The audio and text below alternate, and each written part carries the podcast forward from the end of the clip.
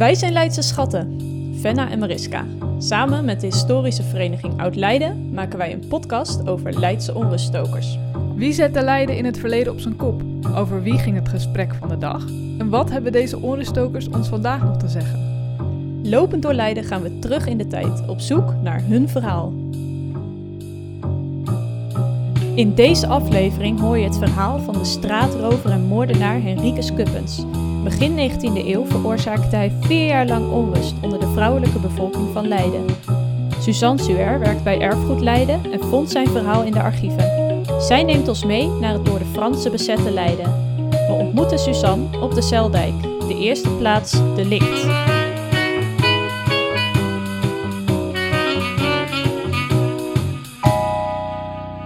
Mooie locatie. Hele mooie locatie. Aan het water, aan de Zeldijk. En daar is onze spreekster. Hoi, leuk om jullie te zien. Ja, want, want waar staan we hier nu? Nu eh, staan we bij eh, het terrein van een eh, rederij. Dus ja, het is, het is eigenlijk een heel mooi plekje. Ik kom hier ook veel te weinig, merk ik. Ehm, maar het grappige is, nu is het echt gewoon onderdeel van de stad. Maar zo'n 200 jaar geleden was hier een paadje langs de zeil met bosjes en blubber. En dus eh, niet eh, auto's die wij nu voorbij horen komen en fietsers en grote schepen. En je kunt het je bijna niet meer voorstellen hoe anders het hier was. Want stonden hier bijvoorbeeld boerderijen of wat? Nee, nee. Voor zover ik weet stond er eh, misschien één boerderij langs dat hele stuk. En er was een molentje. En ja, wel wat bruggetjes, want mensen moesten wel over de slootjes heen kunnen en zo. Maar dat, dat was het echt. Dus het was eh, ja, polder, verlaten polder. Want wat is hier gebeurd in eh 1806? In 1806, op eh, 12 juni, als ik me niet vergis, vond de vader van, eh, van Leuntje Bol, eh, dat was een meisje van 19, die vond eh, hier langs de Zeildijk in het eh, bosje Rut en Berg, vond hij eh, het lijk van zijn eh, 19-jarige dochter. In welke staat werd Leuntje Bol aangetroffen? Het was in ieder geval duidelijk dat ze eruit zag als iemand die gehangen is. Ze had bij haar hals een inkeping, eh, ze had uitpuilende ogen, eh, ze was blauw aan paars aangelopen. En, eh, alle, alle sporen van verstikking. Maar wat deed Leuntje Bol hier dan? Ja, ze was 's ochtends eh, vanaf de boerderij naar Leiden gegaan. En eh, 's smiddags is, liep ze terug naar haar werk. Dus ze zal even vrij gehad hebben van haar werk. Hm. Er was eigenlijk maar één iemand die haar zag. En eh, die eh, was met zijn bootje hier in de zeil. eh, de hele dag aan het baggeren. Waren er verdachten? Ja, ja toen, eh, toen die vader eh, zijn, zijn dochter vond, toen eh, was daar ter plekke die baggeraar waar ik over vertelde. Die zei meteen dat hij iemand voorbij had zien lopen. Dus die beschuldigde meteen een, een zekere bovenlander. Wat is een bovenlander? Een bovenlander is iemand die ergens woont waar meer bergen zijn dan hier. Of meer heuvels. Dus één verdachte was Eén- er. Eigenlijk was er één verdachte. Ja. De bovenlander. Ja, hij, hij wordt verhoord. Dat, eh, dat, dat weten we alleen maar uit bronnen van, eh, van wat, eh, wat jaren later. Dat hij vervolgd is en dat ze er uiteindelijk achter zijn gekomen. nou, volgens mij redelijk snel achter zijn gekomen dat hij niet de dader was. Want wat, wat gebeurde er daarna? Ja, daarna werden er eh, nog veel meer, in de jaren daarna, werden er nog veel meer vrouwen, eh, jonge vrouwen, meisjes eh, beroofd. Niet vermoord, maar wel met behulp van een wurgkoord. Dus ja, er was iets aan de hand. Men wist niet of dat een en dezelfde persoon was, want het gebeurde niet eh, vier keer per jaar of zo. Maar wel elke keer met dezelfde modus eh, operandi. Waar zijn we nu? Ja, we, we staan eh, nu op eh, het eh, terrein van Museum Volkenkunde. En hier is nog steeds de Rijnsburgerbrug. En daar was aan het begin van de 19e eeuw nog steeds de Rijnsburgerpoort. En vanuit de Rijnsburgerpoort verliet je de stad. Buiten de poorten had je nog een beetje bebouwing. En daar hield de stad ook vrij snel op. Heel snel was het al kaal en leeg. En donker natuurlijk ook, s'nachts. Ja, hier vond een ander incident plaats. Hier ehm, ging eh, Jansje de Winter op eh, de dag van de Valkenburgse paardenmarkt. ehm, ging zij eh, hier de poort uit op weg naar haar moeder. Was ze, was ze daar op bezoek geweest bij de Valkenburgse Nee, ze paardenmarkt? was niet bij de Valkenburgse paardenmarkt geweest, maar iedereen wist wanneer die was. Dus dat was een heel goede dag om te, eh, ja, om te onthouden. Dus ehm, ze vertelt dit ook pas, eh, pas jaren later. Dus ze weet nog dat het de dag van de Valkenburgse paardenmarkt was. We hebben nog niet verteld wat er is gebeurd, maar zij is dus beroofd. Niet vermoord, want dan had ze het niet kunnen navertellen. En zij heeft dat dus eh, een aantal jaar later, heeft ze dat, eh, ik neem aan, opnieuw verteld. Ja. En hoe vond die beroving plaats? Wat waren de omstandigheden? Nou, ze was een, een melkmeisje, Jansje de Winter. En ze was toen een jaar of 25. Zij, het was eh, s s'avonds. Er staat ook heel netjes in haar verklaring dat zij des avonds ten half zeven de Rijnsburgerspoort is uitgegaan. Om half zeven liep ze, liep ze hier. Eh, op weg naar haar moeder. Ging ze daar lopend heen dan? Naar Ja. haar moeder? Ja, ze ging lopend naar Hoogstrees. Dat was heel normaal. Iedereen liep eigenlijk. Want ja, een paard had je niet. En de trekschuit eh, ging niet naar Hoogstrees. Maar ze werd overvallen. Ja, Hoe, hoe vond die overval plaats? ze liep eerst een, eh, een stukje op met eh, een, eh, een jonge man. En ze liep met hem de poort uit. Want hij werkte buiten de poort. En op een bepaald moment sloeg hij af naar het huis van zijn baas. Dus ik neem aan dat hij een boerenknecht was. En toen wandelde ze door. En toen is er een man haar achterop komen lopen. Dus die haalde haar in, kwam naast haar lopen. En ze omschrijft ook hoe hij eruit zag. Dus dat, dat is misschien wel leuk om even... Ja. Manspersoon, matig van lengte, tamelijk gezet. Gekleed met een donkerblauwe rok. Dus dan moet je niet denken aan een damesrok, maar aan een jas.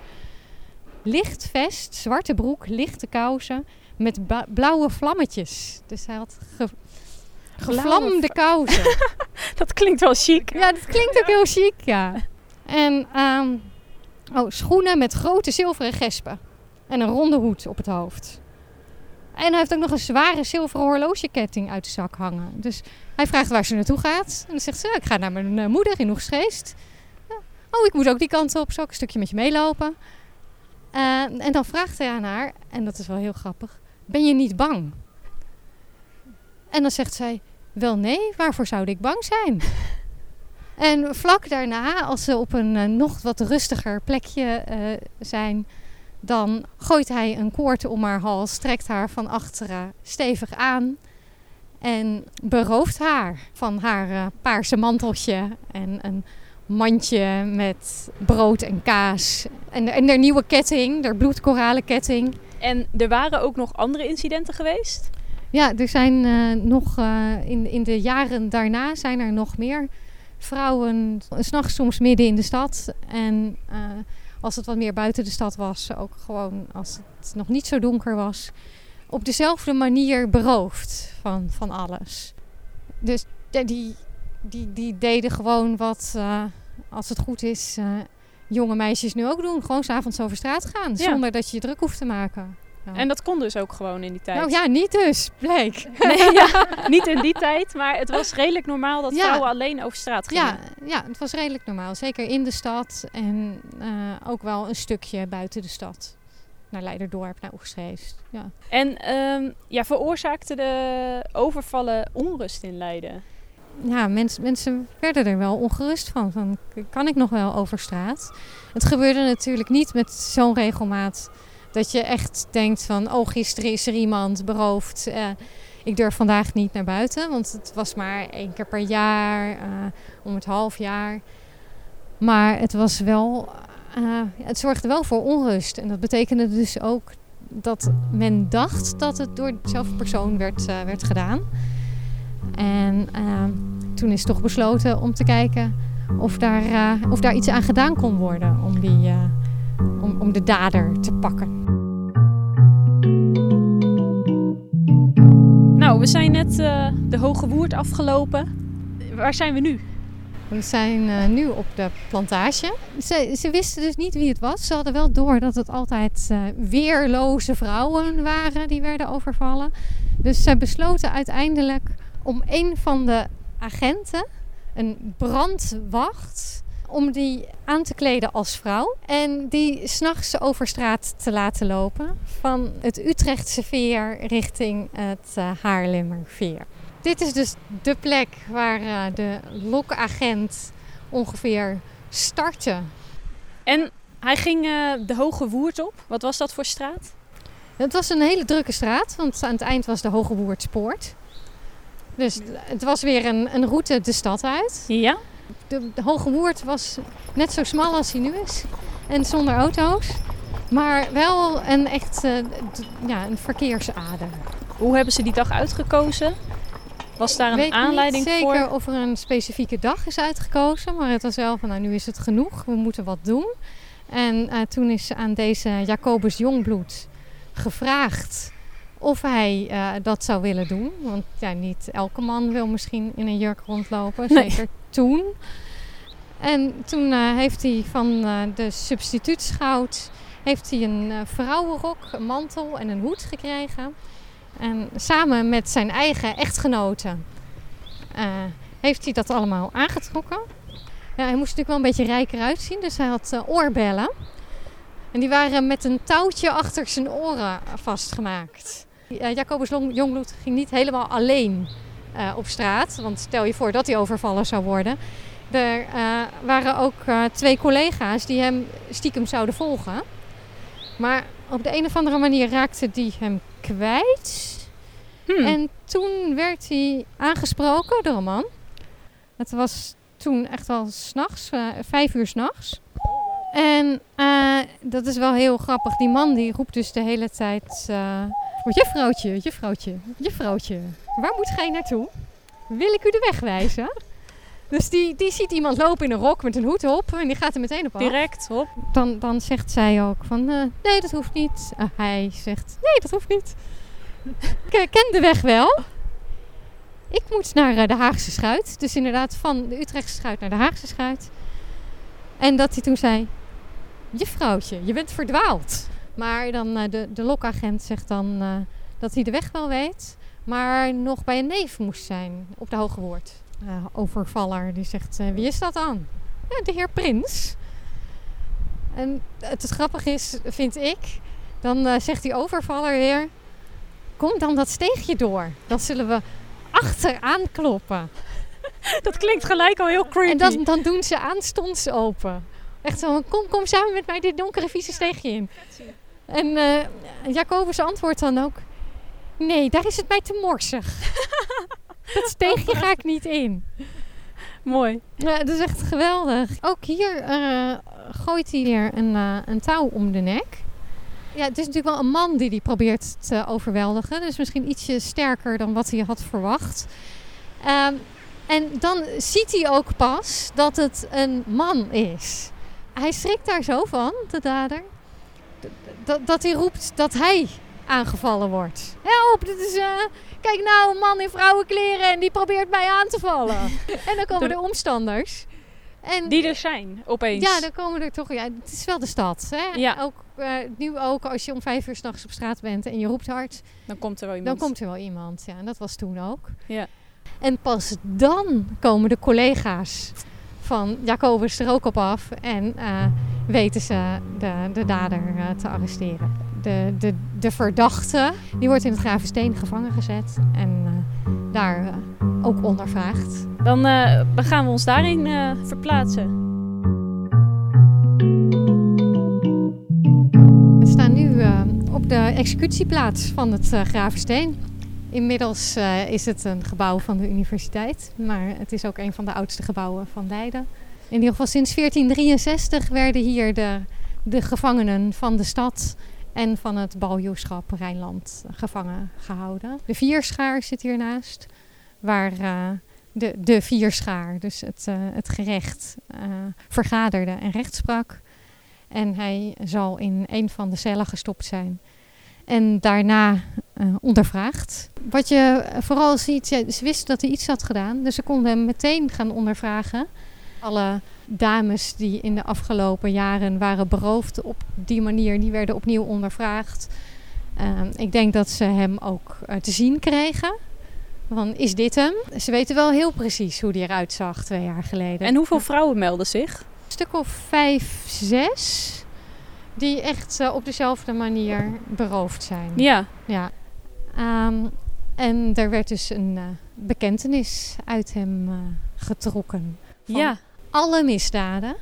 Beginnend bij de uh, minder heftige. En het bouwt dus langzaamaan op, die, die ondervraging en zijn bekentenis naar de meisjes en vrouwen die hij op straat heeft beroofd. Met behulp van wurging. En uiteindelijk ook Leuntje Bol. Waar we ja. mee begonnen. Ja, Ja. aan de Zeildijk. Ja. En wat vertelde hij daarover? Hij um, vertelt heel eerlijk dat hij uh, op uh, de tiende, dus twee dagen voordat haar vader haar vond, aan het uh, baggeren was. En dat hij Leuntje daar had zien lopen, s ochtends, naar Leiden toe. En dat hij toen smiddags dacht, nou ze zal zo wel terugkomen. En zijn bootje heeft aangelegd uh, aan, uh, aan de kant bij het, uh, bij het bosje. En haar daar heeft opgewacht. En toen zij aankwam, toen deed hij alsof hij pijn had in zijn arm. En hij vroeg haar of zij een touwtje om die arm wilde binden. Een soort verbinden, denk ik. En toen was zij dus zo dichtbij dat hij haar een touw, wellicht hetzelfde touw, van achteren af om de hals heeft gegooid. Haar uh, langzaamaan heeft gewurgd waarschijnlijk, ook omdat ze bleef tegenstribbelen. Ik geloof dat het niet, niet de bedoeling was om haar te doden. Hij wilde gewoon dat ze stil was. Dat, dat ze meewerkte. En het bleek dus de baggeraar De te zijn. baggeraar, ja. Die dus uh, twee dagen later, toen, toen vader het uh, lijk van zijn dochter vond en om hulp riep... Toen kwam de baggeraar aan land en uh, riep er nog wat andere mensen bij. En volgens mij is dat ook de manier waarop je het hoort te doen. Hè? Als je de, de dader bent, hoor je gewoon je bij de omstanders te voegen. En anderen aan te wijzen. Ja, en anderen aan te wijzen. Dat heeft hij dus ook meteen gedaan. En ja, wie was de baggerman? En dat was uh, Hendrik Kuppens. In 1798 getrouwd met Helena Noordermeer. Uh, hij was ook voermansknecht. Dus hij uh, werkte op, uh, op de wagen. En die baggerklus die deed hij er als, uh, als dagloner bij, als uh, extra verdiensten. Maar ja, hij zal niet heel rijk geweest zijn. Of hij deed het voor de kick. Maar ja, dat, dat weten we niet. Nee. nee. Er kwam een rechtszaak. Hij kwam in de vierschaar terecht. Ja. Voor de rechters. Ja, voor de schepenen. En omdat het ging om uh, een moordzaak, moesten alle acht de schepenen aanwezig zijn. Dat waren een soort, soort uh, wethouders. Was er veel aandacht voor de rechtszaak? Het kwam in de krant. Dit, dit, was toch wel sensatie, want er werd niet zo heel vaak iemand gedood. En zeker geen meisje vermoord. Wat werd het vonnis? Het vonnis, zal ik het voorlezen? Ja, heel graag. Dat de gevangene bij vonnissen van de edelachtbare heren schepenen deze stad zal worden verklaard zijn leven te hebben verbeurd. En diengevolge gecondemneerd om te worden gebracht en geleid op het publiekschavot voor Schravestein al hier. Dus dat is echt de plek waar wij nu staan. Al waar men gewoon is boosdoenders te straffen. En al daar door den scherprechter met een bord boven het hoofd. Waarop staat moordenaar en rover aan een galg tussen hemel en aarde te worden opgehangen. En alzo met de strop gestraft dat de dood erna volgt. Dat was, ja, dat was het heftigste wat uitgesproken kon worden, denk ja. ik. Ja, in de tijd daarvoor kon je ook nog eerst je handen afgehakt, dan gebrandmerkt en dan opgehangen worden. Ja, en wanneer en onder welke omstandigheden vond de executie plaats? De executie vond plaats op de tweede van de lentemaand van 1810. En de lentemaand? Volgens mij is dat maart of april. Ja, dit is precies in die Franse tijd heb je dat uh, alle maanden, wijnmaand, oogstmaand, lauwmaand en zo heten. En um, ja, waarom werd dit publiek gedaan? Publieke executie was toch om mensen af te schrikken, een voorbeeld te stellen. En het was ook wel voor sommige mensen echt een uitje. Dus hij, hij werd naar buiten gebracht vanuit de cel. Ehm, ja, er was dus een, een schavot op het plein. Dit was trouwens nog geen plein, het was een, eh, een grasveldje. Het heet ook wel het groene zootje of schoonverdriet. Dat gras dat was handig, want dan liep het bloed makkelijk weg na een executie. En op stenen blijft dat zo, eh, blijft dat zo liggen. Nou, je, je ziet hier nog heel mooi eh, dat het is afgetekend, het plein. Ja. Dus het publiek zal daar buiten hebben gestaan. En ja, ik stel me toch wel voor joelend. En eh, ja, als je dan hier woonde, dan had je het beste uitzicht. En er zijn ook wel eh, beschrijvingen van eh, executies door eh, mensen die toekeken. En de een vond het heel leuk en spannend en de andere vond het eigenlijk toch wel goor en eh, afschrikwekkend. Het is nu ook een beetje, de ene vindt het leuk om naar een eh, horrorfilm te kijken en de ander niet. Het, het was natuurlijk, de dood was meer onderdeel van het leven dan nu. Het was veel meer eh, openbaar. Het hoorde er veel meer bij. Maar dat, was nog steeds wel echt een, eh, een schouwspel. Ja, ook iemand die toch wel echt eh, onrust had veroorzaakt in de stad. Ja, dat je als jonge vrouw toch niet helemaal meer lekker over straat ging. En wat voor publiek kwam hierop af? Alles, alles en iedereen. Ja. Er was geen onderscheid in eh klassen of... Voor iedereen was het, eh, was het sensatie. Zoals we nu allemaal Netflix kijken. Of je nou rijk bent of arm. Vermaak. Vermaak, ja. Zijn er eigenlijk lijnen te trekken met het nu? Want eh, ongeveer een jaar geleden, of iets meer dan een jaar geleden, in 2019, speelde er een zaak in Leiden. Veel onrust, onder vrouwen met name. Ja, dat, dat, dat, dat ging over aanranding. Maar je hebt wel dezelfde, dezelfde sfeer in de stad, denk ik. Dat je als vrouw niet meer eh, veilig over straat durft. Dat als je alleen door een steegje loopt, dat je meteen bij elke man die achter je aankomt denkt, oh help. Ja, ik kan me voorstellen dat, dat het gevoel een beetje hetzelfde was. En dit keer geen politieman die zich in eh, vrouwenkleren hees.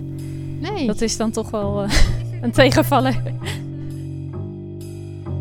Tot zover deze aflevering over Henricus Kuppens. Over twee weken weer een nieuwe aflevering over een Leidse onruststoker. Volg ons op Facebook of Instagram via Leidse Schatten. Vragen of opmerkingen kun je sturen naar leidseschatten.outlook.com. En neem natuurlijk ook even een kijkje op de website van de HVOL, waar deze podcast te vinden is en waar veel meer mooie Leidse verhalen staan. Ben je enthousiast over deze podcast? Maak ons dan beter vindbaar voor andere luisteraars door een beoordeling achter te laten in je podcast-app.